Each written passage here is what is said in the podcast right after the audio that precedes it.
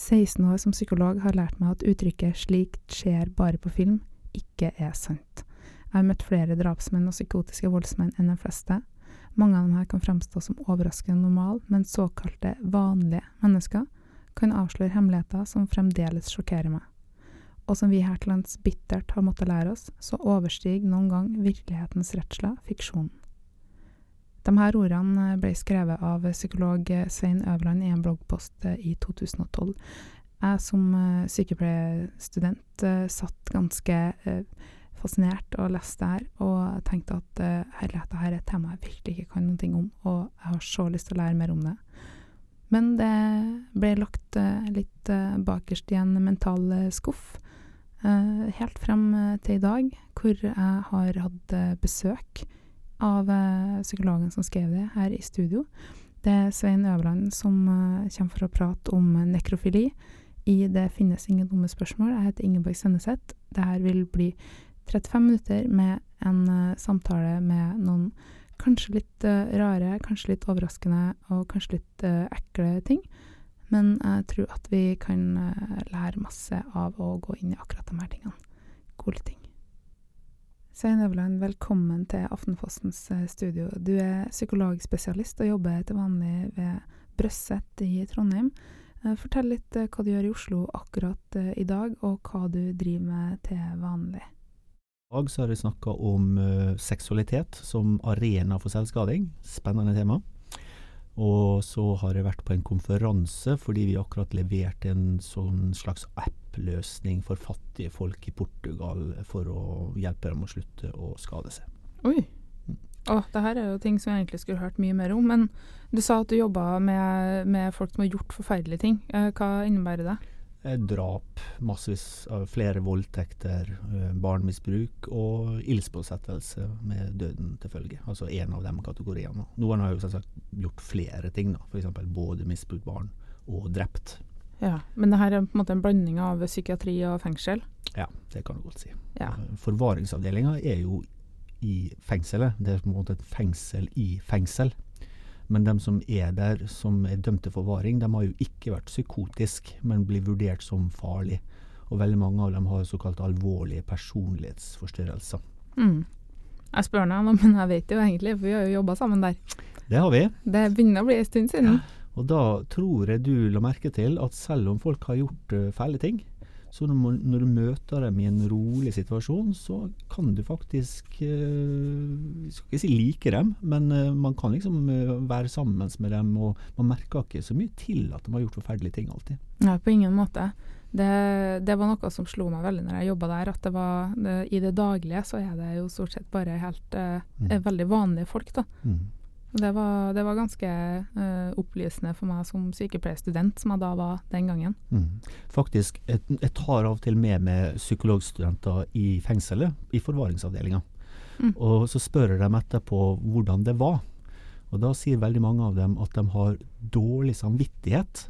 Fordi når de går ut, så går det mer innover dem at dem de har møtt, har gjort helt forferdelige ting.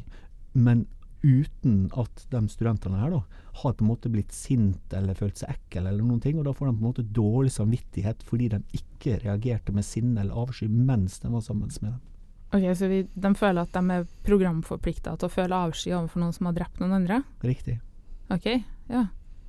Det er kanskje bra at de finner ut at det ikke nødvendigvis trenger å være sånn. Det vil jo jeg vet ikke, det vil være en fordel for den som er innsatt, at andre føler avsky overfor den? Jeg tror ikke det. Men jeg tror det er en veldig stor fordel at dem som skal uh, jobbe med folk som har gjort fæle ting, klarer både å på en måte oppføre seg ordentlig mot dem, og samtidig være klar over å ikke glemme at de har gjort forferdelige ting. Mm, mm. Og Det er den balansen der som jeg gjerne vil at psykologene skal få med seg. da, At de ikke bare sånn enten-eller, men de kan tenke nyansert uh, rundt uh, personer som har gjort fæle ting. Vanligvis så er jo ikke livet som i Disney eller Donald Duck. altså det er slik at jo verre ting du gjør mot et menneske, jo verre ting har du ofte opplevd sjøl også. Mm. Så vi skal ikke unnskylde dem, men vi må prøve å holde to tanker i hodet samtidig. Mm. Det minner meg jo veldig om det Vibeke Ottesen sa i første episode av podkasten. At uh, hun trakk også de linjene at det var vanligvis folk som hadde opplevd noe som da gjorde noe, eller som var redd for å oppleve noe som mm. gjorde noe. Um, du er også spaltist eller fast psykolog, da, for å si det, her i Aftenposten. Mm. Så det, det er ganske bredt, det du holder på med. da. Uh, og samtidig så er du en type som jeg, i og med at jeg har kjent deg en del år nå, oppfatter veldig som opptatt av litt smale og rare og av og til litt sånn ekle tema. Ja. Og det er, jo, det er jo derfor jeg har invitert deg hit i dag, for jeg Mm. har lyst til å prate med deg om et av kanskje de en skulle tro kanskje mest avskyvekkende, men også mest interessevekkende nesten, av de temaene du har uh, blogga om, Mm. Uh, og det er nekrofili. Kan ikke du si uh, helt sånn, eh, sånn at vi har et grunnlag først, så. Mm. uh, hva er nekrofili? I utgangspunktet så er det jo en seksuell tenning, altså tilsvarende f.eks. pedofili. Men at du tenner da på døde mennesker. Eh, og så er det mye annet med det. Når du på en måte roter litt rundt i det, så ser du at jo mer man lærer om nekrofili, som andre ting, f.eks. pedofili, så er det mange undergrupper og lignende ting. Uh, og som du sier, det er en veldig avskyelig eh, ting selvsagt, å, å, å gjøre. Mm. Men eh, det er nå engang sånn, som jeg også skrev i den bloggposten, at uh, det skjer. Det er folk som har det på den måten.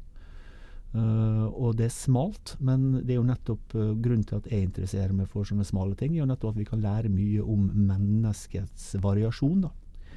uh, med å se på ytterpunktene. Hva kan vi lære av menneskets variasjon av at noen tenner seksuelt på lik? Det viser jo hvor på en måte det, Man kan tenke seg en sånn slags spekter, da, der man tenker menneske, et menneske hva det kan gjøre på sitt verste og på sitt beste. Og det som jeg blir stadig vekk fascinert over, og hvor ufattelig brei den variasjonen er. Uh, og også det som jeg etter hvert har lært meg med å skulle si, oppta meg litt om nekrofili, er at det, det har jo en del fellestrekk med andre seksuelle tenninger. Som, som for eksempel F.eks. det som heter for somnofili. Folk da, eh, gjerne menn, da, som tenner på sovende kvinner, eller forsvarsløse kvinner. Og Det har jo vært mye i media i det siste med sånn date rape. mm. Eh, og veldig mange av kvinnene som blir date-rapa, eh, altså at de, de våkner da, og blir eh, voldtatt, eller rett og slett mens de sover eller våkner av det, har jo dårlig samvittighet, for de tenker det var min skyld for jeg drakk meg dritings og sånn. Og det, det skjer jo. Men eh, poenget er at det finnes jo folk der ute som eh, jakter på sovende kvinner, som går fra nachspiel til nachspiel, eller kanskje også doper ned kvinner. Fordi, ikke bare fordi de skal ha sex, men fordi de tenner rett og slett på at de er forsvarsløse. Og Det ligner litt på nekrofili, fordi når du er ne nekrofile ser jo etter døde personer som på en måte de kan gjøre hva de vil med. Og somnofili så er det sovende og forsvarsløse eh, kvinner. Og klart For en kvinne som har blitt uh, sånn drugga og rapa på den måten der, tror jeg faktisk vil være Eller det vet jeg, vil ha lettere for å på en måte komme over traumen når man forstår at dette her er en person som har jakta uh, aktivt, akkurat som en hyene mot uh, den sårbare gasellungen, på en måte. Ok, Så det å, å, å snakke med og prøve å forstå eh, den eh, kan, Skal man kalle dem syk? ja, jeg eh, vil kalle dem syke, ja. ja. Mm, de aller Um, fleste nekrofile har jo alvorlige uh, også andre ting. Uh, psykose, personlighetsforstyrrelser og andre seksuelle forstyrrelser. Mm. Så det å forstå dem bedre gjør at vi da kan kanskje møte dem som er utsatt for deres handlinger bedre. Det er det du tenker? Ja. Og det er sånn, for jeg jobber jo både med offer av overgrep og, og også sånn såkalt sedelighetsbehandling. Og jeg tror det at det gjør meg til en bedre psykolog, både for offer og overgriper, når jeg forstår liksom begge perspektivene bedre. Mm. Gå litt tilbake.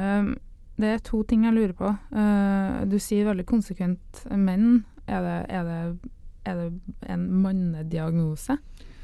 Vi vet så veldig veldig lite om nekrofili, for det er ikke akkurat det du huker ut på et spørreskjema. Liksom, er du nekrofil? Ja. Eh, Eller for å si sånn, når du blir innlagt på psykiatrisk avdeling, så spør du sånn ja, har du noen gang tatt livet ditt? Eller prøvd å få tatt livet ditt, f.eks.? for eksempel. Det er jo et vanlig spørsmål, men det er veldig sjelden folk spør ja, tenner du på døde folk?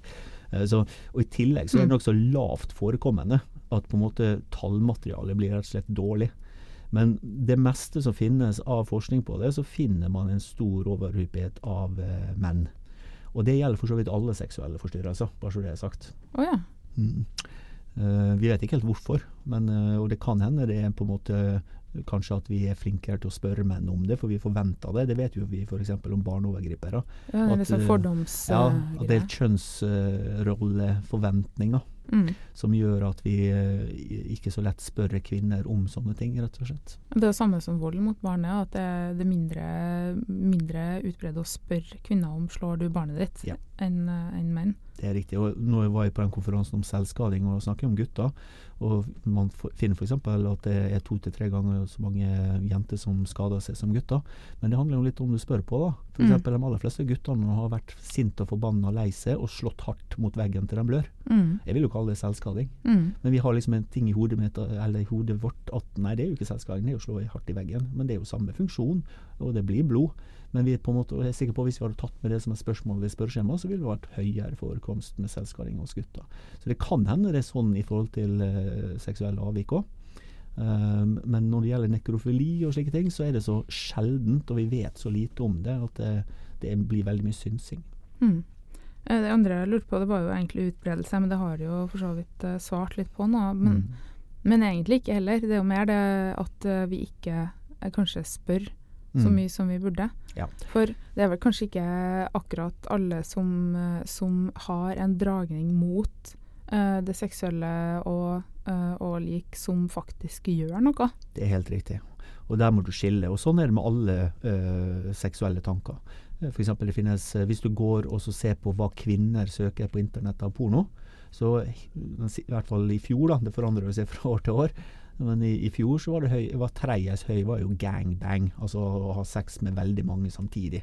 Men det vil jo ikke si at de kvinnene har veldig lyst til det, eller gjort det, men de er enten fascinert av det, eller har en fantasi om det. Så det finnes jo veldig mange som har seksuelle, eller aller fleste som har seksuelle fantasier om ting som ikke helt A4, gjør det ikke. Den kan kanskje onanere til det, men den vil ikke gjøre det i virkeligheten. Så Sånn sett så kan man tenke seg at det, det er også mange flere som sannsynligvis har også seksuell tenning av tanken på å ha sex med en død, eller eventuelt, som jeg sa i stad, forsvarsløs person. da. Men det er jo veldig få som vil gjøre det. Og I tillegg så er det slik at vi skiller mellom ekte nekrofili og det vi kaller for pseudonekrofili. OK, det må du forklare forskjellen på. Ja, Pseudo er bare et fint ord for falsk. Ok. Eh, men det heter noe saudonekrofili. Og jeg bare viser til at det, det finnes jo f.eks. Uh, for eksempel i Norge, da, så, så blir jo ikke så mange som blir drept i Norge. Men de som blir drept, er jo vanligvis uh, på en måte i, det er partnervold. Og det er ofte kona eller eksen som blir drept av mannen, og mannen har ofte drukket. Og det er veldig spissformulert, da. Men det er jo Men det er vold i nære relasjoner Ja. som tar livet av flest uh, Ja. i Norge. Ja. Det er vanligvis ikke nødvendig å ringe til Poirot i Norge. Det er Nei. liksom relativt åpenbart i de aller fleste tilfeller. Uh, så, uh, men det som skjer av og til, eller av og til, men som skjer noen ganger, er jo at når man dreper, så har man en veldig hevn og man har veldig oppdemmet aggresjon. Og når man dreper, på en måte, så er man liksom ikke helt ferdig. Man har liksom Vedkommende død, men man blir på en måte noen, da. Man kaller det her for hyperkill. da har veldig behov for, Hvis man har gledd seg til drapet og fantasert om drapet, så dør vedkommende anførselstegn for fort. Da Ja. vil de f.eks. Uh, sparke i liket, eh, tisse på liket. Altså, nå snakker jeg om, dette er ikke vanlig, men det skjer. Og noen har da også sex. Fordi vet vi også at det er sex, f.eks. voldtekt, er jo ikke bare av seksualitet, men Nei, nei, det er jo et våpen. Det er et Ja. våpen. Det ser jo under krigføring. Ja, ikke ja, ja. Og når man da på en måte har eh, sex med lik, ikke pga. at man tenner spesifikt for det, men av slike årsaker, da, så kaller vi det for pseudonekrofili. ja, for da er det egentlig ikke tenningen på, på liket, men tenningen, eller eh, en slags excitement over, det, over volden. Ja. Altså, nå, nå ser du du strever for å finne ord. Ja, For det er vanskelig å, Det å jeg beskrive noe, det her. noe, Ja. jeg har ikke et ordforråd for nekrofili. Nei, ikke jeg heller. Eh. Og, og, og, og du kan tenke deg sjøl, hvis du også hadde gjort noe sånt, da, så vil jo du bli helt sånn satt ut av det også av deg sjøl. Og det er jo det også de jeg møter som har gjort f.eks. sånn hyperkill, da, med eller uten pseudonekrofili. Eh, blir også helt sånn satt ut, og ofte sjøl, da. Men man kommer inn i en helt annen bevissthetstilstand. Uh, og, og noen da på en måte fortsetter med ydmykelsen med å ha sex da, uh, etterpå. Ja. Og, og da er det, skulle si, for, for høres litt usmakelig ut, da, mens, men, mens liket fremdeles er varmt. da. Og det er noe annet enn å grave opp et lik i en kirkegård, eller uh, ta et lik ut av et kjølerom, uh, for eksempel. Men for det vil være ekte nekrofili. Hvor, eh, hvor, hvordan ligger fordelingene her? Er det hal- half and half, eller hvordan eh, ligger det an? Man, man regner med at det, eh, det er en veldig stor overvekt av pseudonekrofili. Men som Ja. sagt, det er veldig tynt tallmateriale her. Ja. Men å grave opp folk på, på kirkegårder, skjer det ofte? Et par ganger i uka. Nei, Cirka? Pluss minus. Nei, eh, det skjer jo veldig sjeldent i Norge. eh, Fordi at da vil du noen ringe eh, rimelig fort til politiet, tror jeg. Eh, Men det forekommer jo, og, men det som, eh, der det er mest beskrevet i litteraturen, er jo gjennom seriedrapsmenn i USA. Og øh, nå er jo slik at det, Når vi hører om seriedrapsmenn i USA, så blir det lett sånne dårlige TV-serier vi tenker, men det er jo til enhver tid flere seriedrapsmenn i USA. Nå er det et stort land. Og noen av dem vil jo da drepe offer, og så grave dem ned, eller skjule dem, da. Ofte ikke grave dem ned i jorda, men skjule dem på en eller annen måte, og så ta dem opp igjen og ha sex med dem. Mm. Um, for meg så høres det litt rart ut, i og med at uh, Eller du trenger jo ikke ha gått uh, tre år sykepleier for å vite men altså dødsstivhet Mm. føler jeg burde bli et problem Mm. uh, seksuelt. Mm. Og det vil nok være vanskelig å ha sex sånn som du har sex, skulle du si, men den vil jo da bruke Altså det viktigste her kommer på hvordan du definerer sex. Eh, her vil jo det være at du har seksuelle akter, så du vil da f.eks. onanere med utløsning over, eller du vil selvsagt gjøre et eller annet med huden i forkant, eller lignende ting. Mm. Men det, det ser du også, apropos fra det ene til det andre, også folk som har seksuelle overgrep mot barn. De vil ikke nødvendigvis ha en penetrering, men de vil lage en seksuell situasjon der de onanerer, eller får barn å onanere, eller eh, lignende ting. Så det behøver ikke nødvendigvis å være det som vi vanligvis forbinder med, med seksualitet. Da. Ja, for det blir fort at en tenker penetrering Ja. gang, men det, Det kan være det, men det som du sier, det er jo en del fysiske problemer med det. Uh, så det men uh, clouet er at de vedkommende har seksuell tenning og får utløsning. mm. Hvordan eh, ligger jussen an i det her? Eh, ja, jussen altså, Det er jo selvsagt ulovlig, uh, men jeg har ikke satt meg inn i uh, jussen sånn sett. Altså Der jeg har, har truffet folk med den problematikken, så er jo de dømt for andre forhold, f.eks. drap. da. Mm. Det er ikke noe mange som dømmes for nekrofili i Norge. Det er veldig sjeldent. Uh, det, for du, du, du har jo ikke en, et straffebud mot nekrofili, så da må du gå inn i de enkelte lovene og, og, og lese det. Eh, jeg sjøl har vel i løpet av 20 år som psykolog møtt seks personer. Så Og du har møtt seks, fordi Ja. den bloggposten i 2012 hadde du møtt fem. Ja. Det- det- Gjort research. har, jeg har, jeg har sjekka, jeg har sjekka hva du har Ja, drevet med. Ja Ja, vel, ja. Du har møtt én etter det. Hvordan var vedkommende? Var det, har alle vært menn, eller? alle har vært menn. Ja. Er sånn, jeg tenker akkurat Sånne ting er litt sånn vanskelig å snakke om på, i det mediumet her, for at folk kan på en måte legge sammen to og to og tre Mm. og tre, og så på en måte det har begrensninger hva jeg kan si rundt det. da. Men poenget her er at det er veldig sjeldent. da. Mm. Jeg er jo, som du påpekte her, jeg er jo sånn sett ikke en vanlig psykolog, for jeg jobber jo spesifikt med de tingene her. Mm. Så sannsynlighet for at en vanlig psykolog, eller du som ikke er psykolog, skal møte en sånn person, tenker jeg det vil være veldig, veldig veldig sjelden. De fleste psykologer har jo aldri møtt personer med den type problematikk. Iallfall ikke der det er bevist, tenker jeg. Fordi hvis det er sånn at det er mange som går rundt med de her tankene osv., hvordan er det, søkes det mye etter på nettet etter bilder av det og sånne der ting? For det vil jo kanskje være en indikator for at det er noen som har de tankene uten at de nødvendigvis gjør noe som helst som da er ulovlig, altså av handlinger. Ja, Ja, For det første så er det ulovlig. Altså, eh, Pornografi eh, har jo blitt virkelig Det er mye, mye pornografi som er lov nå, for å si det sånn. Eh, men sånne ting er ikke lov. Men du kan finne det hvis du, hvis du går, søker eh, rett og slett med de riktige søkeordene. Så finner du relativt lett både uh, type rollespill uh, Tilsvarende snakk om det med somnofili her òg. Altså at Mm. det er rett og slett folk som later som de sover. Og så tilsvarende også folk som later som de er døde. Og så finner du også det som blir kalt for snuff, altså ulovlige ting. Mm. Blant annet da det er Veldig vanskelig av og til å vite hva som er sant eller ikke, men hvis du, på, hvis du går inn på en måte på rundt russiske sider og sånn, så finner du ganske mye som påstår at de er fra f.eks. krig. da. Og så har du det der med internett. det Det for så vidt er jo det, Du vet jo sikkert at du har det, det åpne internettet, og så har du Mm. det mørke internettet, Mm. der du bruker Tor servers og så, sånne ting. Så det der. Og der finnes jo alt som er ulovlig. Eh, og det som er typisk i sånne ting, er at man deler bild, altså tilsvarende tilbake til pedofili. da. At man ofte eh, lager nettverk der man deler bilder. Det mørke nettet har det blitt skrevet om en del eh, i Aftenposten av Ja. forskjellige spaltister også. Det, er et veldig interessant felt. Da. Ja, det Mørke nettet kommer jo sånn sett, eller brukes mest nå i forhold til, eh, til dop, f.eks. I hvert fall i Norge. Dop og barneporno er liksom Mm. den vanligste grunnen. Men du kan jo finne absolutt hva som helst der nede. For å si sånn. Det var jo sånn nettet var, mm, det åpne nettet i 80-tallet. Men, men poenget eh, mitt er at du finner tak i det.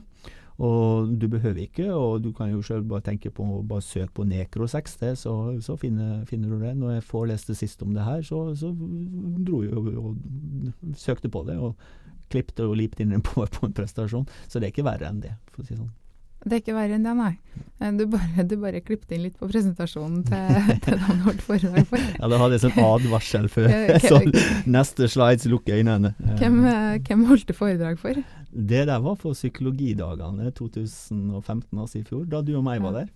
Ja, jeg hørte ikke akkurat det foredraget, men Nei. vi holdt et sammen etterpå ja, om et litt, litt annet tema. Ja, det er Men, mye annet eh, tema. Men da hadde jeg en forelesning uh, om, eh, om nettopp uh,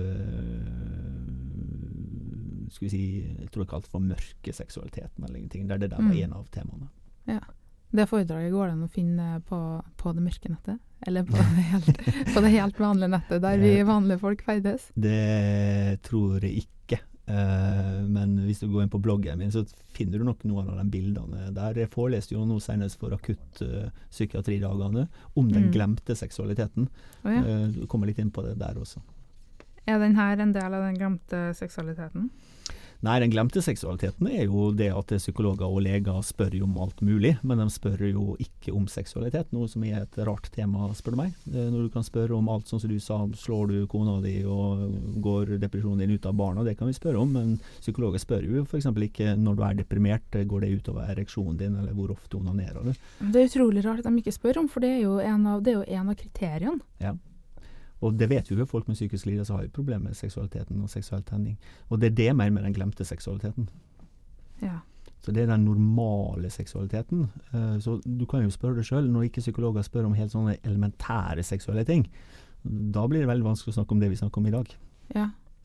oh, veldig. Men det, jeg synes jo nest, det er jo nesten lettere å snakke om sånne her ting enn den helt vanlige. For det, det ser vi i sånne serier som eh, Det har i hvert fall blitt omtalt en del, f.eks. den Girls-serien og sånn her, der det er sånn helt vanlige folk som reelt mm. gjør helt vanlige greier. At det blir mer unormalt, nesten. Nå er jo det her helt på sida, så vi kan jo ikke si at det er så veldig vanlig å snakke om nekrofili. Det var jo en av grunnene til at jeg ville prate om det akkurat i dag òg. Mm. Uh, og vi kommer jo òg til å legge ut eh, eh, en nettsak til den her som, der det blir lenka til bloggposten til Svein Øverland som sitter her, og til eh, ulike ting som du mener er relevant forskning og sånt som folk kan se opp eh, på sjøl, og også litt om det mørke nettet og, og Twitter-kontoer og sånne der ting. Men det at vi sitter og snakker om sånn helt sånn sære ting, eh, eller så, så i hvert fall så ja, litt ekle ting, kanskje, Mm. Jeg personlig mener jo at det er en sånn selvstendig verdi å snakke om ting som, som gjerne blir liggende litt sånn uh, i uh, utafor eh, den daglige samtalen, og uten at vi trenger å ha det inn i eh, Vi trenger ikke å snakke om det ved frokostbordet, liksom. Men eh, er, det, er, er jeg litt for opptatt av å ta opp ting som, eh, som er litt sånn sært eh, der? Burde, burde jeg bare få lov til å ligge i mørket når det er så eh, både ulovlig og ekkelt og alt sånt? Jeg syns det er veldig fint at du tar opp sånne ting, av veldig mange grunner. Fordi som jeg sa, det kan være relevant for noen som ellers aldri finner tak i den type stoff. For de fleste går ikke og kjøper på en måte 'Handbook of Sexual Deviance'. For å si det sånn. Så det å ha tilgjengelig? 'Handbook of Sexual Deviance' det er på en måte et standardverk innenfor seksuell forensic psychiatry. Og det er klart at det, det, Der står det mye som er interessant for meg, men folk flest har jo ikke tilgang til den boka. Og da er de avhengig av sånne som de som eh, snakker om, eh, om tema som, eh, som du ikke du finner. Og I tillegg så tror jeg, sånn som du sa i stad, at hvis du da viser at du kan snakke om ting som er tabubelagt eller vanskelig, så viser du også til folk at du kan snakke om alt annet. Og det merker er jeg på helsestasjonen for ungdom da jeg jobba der. at det, eh, når, når jeg på en måte viste at jeg kunne snakke om f.eks. prevensjon da, og abort og skulle si, sånne skulle si, vanlige seksuelle ting, så var det også lettere for folk å ta, komme opp med de mørke hemmelighetene sine. Sånn som f.eks. selvskading, sånn som f.eks. at de tente på rare ting, etc. etc. Ja. ja nå, er det jo, nå er det jo ikke egentlig jeg som snakker om det, det er bare, jeg sitter nå bare og spør, jeg.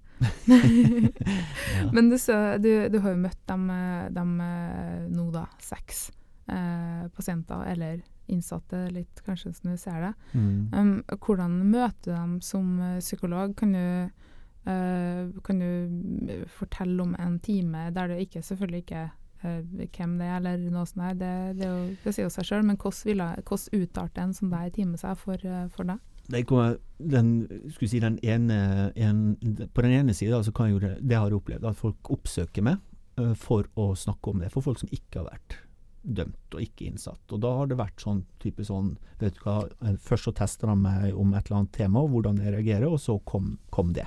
Hvordan teste det? Jeg testa liksom uh, med hvordan jeg reagerer på ting. Om de er fordømmende, om jeg på en måte virker trygg i rollen min, den type ting. Veldig mange pasienter gjør det. Sikkert eh, når du går til helsesøster òg, eller kanskje også til legen din, vil jeg tro. Uh, Så går du inn og liksom får en sånn feeling på hva er det her for en fyr, kan jeg være ærlig?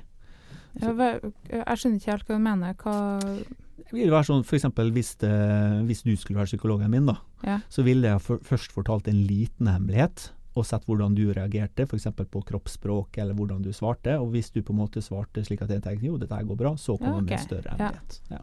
Veldig Så dyppe tåa i vannet, liksom? Ja, dyppe tåa i vannet og så se hvor kaldt eller varmt øh, det er. Ja. Uh, og han, han, øh, han fyren her eh, gjorde jo det, jeg husker ikke hva han spurte om, men det var et eller annet om sex. Uh, tror det var et eller annet om fantasier, eller jeg husker ikke det. Men så kommer han med, vet du hva, han er veldig bekymra fordi han tenner da på døde personer. Og da var jo samtalen der vi utforska, eller er på en, en måte, på en måte støtta han på at det er seksuelle fantasier seksuelle fantasier, behøver ikke å medføre noe atferd i det hele tatt. Uh, og utforska til han om, hvor, om han hadde kontroll på det eller, eller ei. Og så var det seg at jeg fikk jo litt sånn hetta sjøl. Og tenkte oi, hva er det her for noe med å ringe politiet, på en måte. Så jeg hadde liksom noen spørsmål rundt det òg. Men det var ingenting så det. Så det var en rein sånn eh, folkeopplysningssamtale om hvordan han da skulle forvalte seksualiteten sin uten å skade andre. Og samtidig eh, på en måte holde seg slik at han blir tilfredsstilt. Eh, også. Så det er mulig? Ja, De aller fleste som er nekrofile, har jo, tenner jo også på alle andre ting. Ja. ja. Så Det er jo et- det er jo et poeng. Ja, slik at dette her er på en måte bare en slags tilleggsgreie for det meste. Altså Noen er psykotisk og spinngæren, eh, og, og, og, og de vil ikke nødvendigvis ha på en måte utløsning på sin nekrofili engang, men de har på en måte bare en fascinering av døde folk. Men de aller fleste har annen seksualitet som er godt innafor. Det er jo for så vidt alle seksuelle avvik, for å si det sånn. Den som tenner på å gni seg med blå ballonger, eh, eller den som tenner på barn, har også si, vanlig sex med vanlige eh, folk. Men så når, når blir en, et seksuelt avvik en sykdom? Spørsmålet blir når blir atferd en psykisk lidelse? Ja. Uh, og da er det hovedsakelig tre ting. Det må være statistisk uh, uvanlig, det første biten. Uh, og så må det medføre eh, funksjonsnedsettelse. Altså at det gir deg problemer. Og da er det enten i kjærlighet eller på jobb eller utdanning. Og i tillegg så må det gi lidelse. Enten på deg sjøl eller andre. Okay. Når du har alle de tre oppfylt, så kan du begynne å bla i diagnosekatalogen, for å si det sånn. Men å bare være annerledes, statistisk uvanlig, er i seg sjøl en eh, psykisk lidelse. Det må liksom både Eller du må være annerledes, og i tillegg så må det gå utover funksjonen din. Så sånn sett, hvis du Sånn som Nordland, så har vi mista noen diagnoser. Før så var jo sadomasochisme en psykisk lidelse. I 2012 så forsvant den. Så I du- 2012? Ja, da, da ble du frisk, Å, kjære meg. Så, så Ja, du må ikke si du, så litt, litt, litt Nei, uff da. Jeg, da. Petter. Sånn rent generelt så ble rent folk eh, generelt ja. så ble folk friskmeldt. eh, ja. Men det er jo mye rart som har vært uh, psykiske diagnoser. Homofili hos menn, Ja, ja, f.eks. ja. Men det kom jo fordi at folk så at det, det var ikke statistisk uvanlig. Og de aller fleste som, som liker sadomasochisme, har jo ikke funksjonsnedsettelse. Og hvis du i tillegg heller ikke har noe lidelse med det, så er det ingen grunn til å sykeliggjøre det. Og jeg mener jo, uh, sånn som jeg var jo med på den der nanokatt-debatten, og jeg mener jo at de aller fleste som er rare og avvikende annerledes, de er jo ikke psykisk syke. Det er to forskjellige ting. Nanokatt? Ja, hun som mener at hun er en katt. Ja, ja. Det er uvanlig, og det er rart, og det er avvikende statistisk, men man er ikke nødvendigvis psykisk syk av den grunn. Vi må, en, vi må, prøve å forklare ting med normalpsykologi før vi på en måte forklarer ting med psykopatologi, altså diagnoser og sånne ting. Så, mm. så, så, hvis du har en seksuell interesse, men du allikevel fungerer i jobb, så lenge du kan ha det ut med partneren din, eller du har det for deg sjøl og alt mulig sånn, så er ikke det en psykisk sykdom. Men jeg lurer på, kan man bli eh, nekrofil, eller, eh, eller, bare er man det? Altså et sånn født sånn eller blitt sånn eh, spørsmål? De fleste mener at du er født sånn. Ja. Uh, bortsett fra, som jeg sa, de folka som altså er alvorlig psykotiske. De har jo da blitt psykotiske. Ja. Underveis så slår det utslag med at de f.eks. tror det. Og nå har vi ennå ikke snakka om for nå har vi snakket om nekrofili, folk som tenner på sex med, men det finnes noe som heter nekrofag òg. De tenner på å spise døde lik. Så det er klart at det er jo også noen ting. Uh, men da er ikke det en seksuell tenning, da er det mer ofte psykotisk uh, motivert. Og Det kan man se nå i disse dager med alle disse zombiefilmene og sånne ting. Så kan man tenke seg at har du sett nok zombiefilmer, så kanskje du får noen ideer. Jeg tror ikke folk flest vil reagere på det, men man kan jo tenke seg også at det, når du har et samfunn som blir mer og mer opptatt av uh, sånne ting, så kan det også Det vet vi med, med pornografi, at de som ser mye på pornografi, trenger stadig vekk mer pornografi for å få tenning. Så man ja, kan får, tenke seg en sånn. Ja, du slags, får resistens? Uh, ja, resistens, det var et godt ord. Ja, du, du, du må rett og slett du, Dem som er høy brukere av pornografi, må ha da mer og mer på en måte spesialisert pornografi. Yes. Det var, det var nytt uh, for meg. Du, er nekrofili et problem i samfunnet, sånn som du ser det? Nei, jeg tror ikke det. Jeg tror det er for spesielt interesserte, sånn som meg. Jeg tror det er altfor lite eh, forekomst til det. At på en måte vi skal nedsette en gruppe av Helsedirektoratet for å forby det, for å si sånn. Mm. Jeg tror nok det er så ekstremt sjelden. Men jeg tror det er viktig at vi skal vite om det, særlig folk innenfor min bransje. Uh, det, det, tror jeg nok, men jeg, jeg, tror ikke vi skal være redd for uh, samfunnets uh, sin del. Nei. Og det er ikke noe sånn at det, Jeg liker jo å tro at det her er viktig folkeopplysning. det Trenger folk å vite om det her, egentlig? Eller har de kasta bort eh, 31 minutter nå på å høre om noe helt marginalt? Jeg tror folk flest trenger ikke å vite om det, i betydning at de kommer til å få bruk for det. Men jeg tror folk har godt av å høre om det, nettopp fordi at man da ser hvor komplekst menneskesinnet er. Og Det er det som er så fantastisk med mennesker, at vi har en sånn ekstremt potensial til å gjøre fantastisk gode ting, mm. og fantastisk helt forferdelige ting. Og Det er nettopp det spennet der som jeg tenker er viktig for, for voksne mennesker å på en måte bli minnet på av og til. Mm. At det, det, det, er så Å, jeg kunne jo veldig gjerne tenkt meg å hørt mer, jeg. Men jeg skal, jeg skal begynne å, å, avslutte. Men uh, en, ting, uh, en, ting, som jeg liker å høre med folk, det har, har egentlig humor en plass uh, i samtalen om nekrofili? kan du finne på å dra en spøk i en av foredragene dine, liksom? Ja da, det, det, det kan jeg godt gjøre. Men det var jeg komfortabel med. Uh, jeg har jo, som du sier, jeg jobba med ganske mye dævelskap. da. Og de aller fleste folk som jobber med det, har lært at det er veldig viktig å ha svart humor. Folk som ikke for eksempel, folk som ikke jobber i politi eller i sikkerhetsavdelinger, og sånne ting, kan, hvis de bare kommer inn, så tror jeg de folk vil tenke shit, hva er det her for noen eh, gærninger? Men det er på en måte en slags mekanisme man bruker for å overleve i det, og på en måte holde ut i det. Så, uh, og, og, selv for, uh, i hvert fall jeg kan finne på, med folk som er av mine pasienter, som enten kommer til meg frivillig eller ufrivillig, ufrivillig. Altså hvis de er dømt da, for eksempel, og må gjøre at jeg skal gjøre en risikovurdering. Da kan jeg finne på å spøke med dem om det. Men du må jo se an folk, da, for det kan jo bli en kjempestor bommert og såre, eller eventuelt den kan bli veldig sint. Men jeg tror særlig blant folk hjelpere så er det ekstremt viktig med å bruke humor. Og at humor har en, uh, si, en eh, skadedempende effekt Eh, når du jobber med, med, vanskelige ting, uansett hva det er, om det er nekrofili eller om det er barneovergrep, eller om du jobber i politiet og, og, og, og stadig blir trua på livet, f.eks. Hvem demper skaden for? Eh, den eh, pasienten, eller for, for, den som jobber med personen? Den som jobber med, med mm. personen. Men jeg tror også en pasient, også, hvis det blir gjort på riktig måte, kan også på en måte bli sånn letta av å få litt trykk med å se at man rett og slett kan, kan kan, eh, kan le av det. Det, det er litt avvæpnende, liksom? Hva sa du? At det er litt avvæpnende? Ja, det er avvæpnende. Og så viser det også at det, vanligvis er det slik at eh, hvis du kan le og, og smile, så er det et tegn på at du har kontroll. Og når personer som har gjort fæle ting, ser at den andre personen har kontroll, så blir de også litt tryggere. Eh, Jeg skal begynne å, å avrunde. Hvis jeg skulle ha prøvd meg på en oppsummering nå, eh, helt kort, så vært det at eh, nekrofili er eh, ikke et problem for samfunnet. Det er veldig lite utbredt. Mm. Eh, det er en stor overvekt av menn. Men vi vet egentlig ikke om det er sånn, fordi at det er så sviktende forskningsgrunnlag vi sier det på.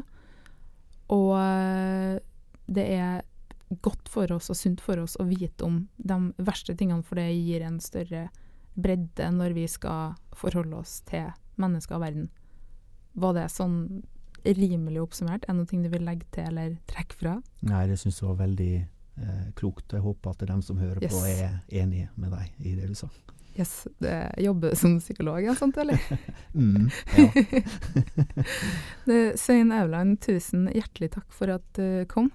Eh, som sagt så kommer vi til å legge ut en artikkel eh, ved siden av eh, podkasten der du kan finne eh, bloggposten og Twitter-konto og alt sånt til Svein, så du kan spørre han om egentlig hva som helst. Det er tilbudet fra meg. Han, han nikker. Så Eh, skriv og, gjerne til eh, Aftenposten. og skriv gjerne til oss hvis du syns at det her var interessant eh, på noen måte. Og abonner i iTunes eh, hvis du vil det. Det er fortsatt på pilotstadiet, så vi vet ikke om det blir flere eller eh, veldig mange episoder. Det vil vise seg. Eh, og så håper vi at du har en ordentlig god dag. Takk for meg.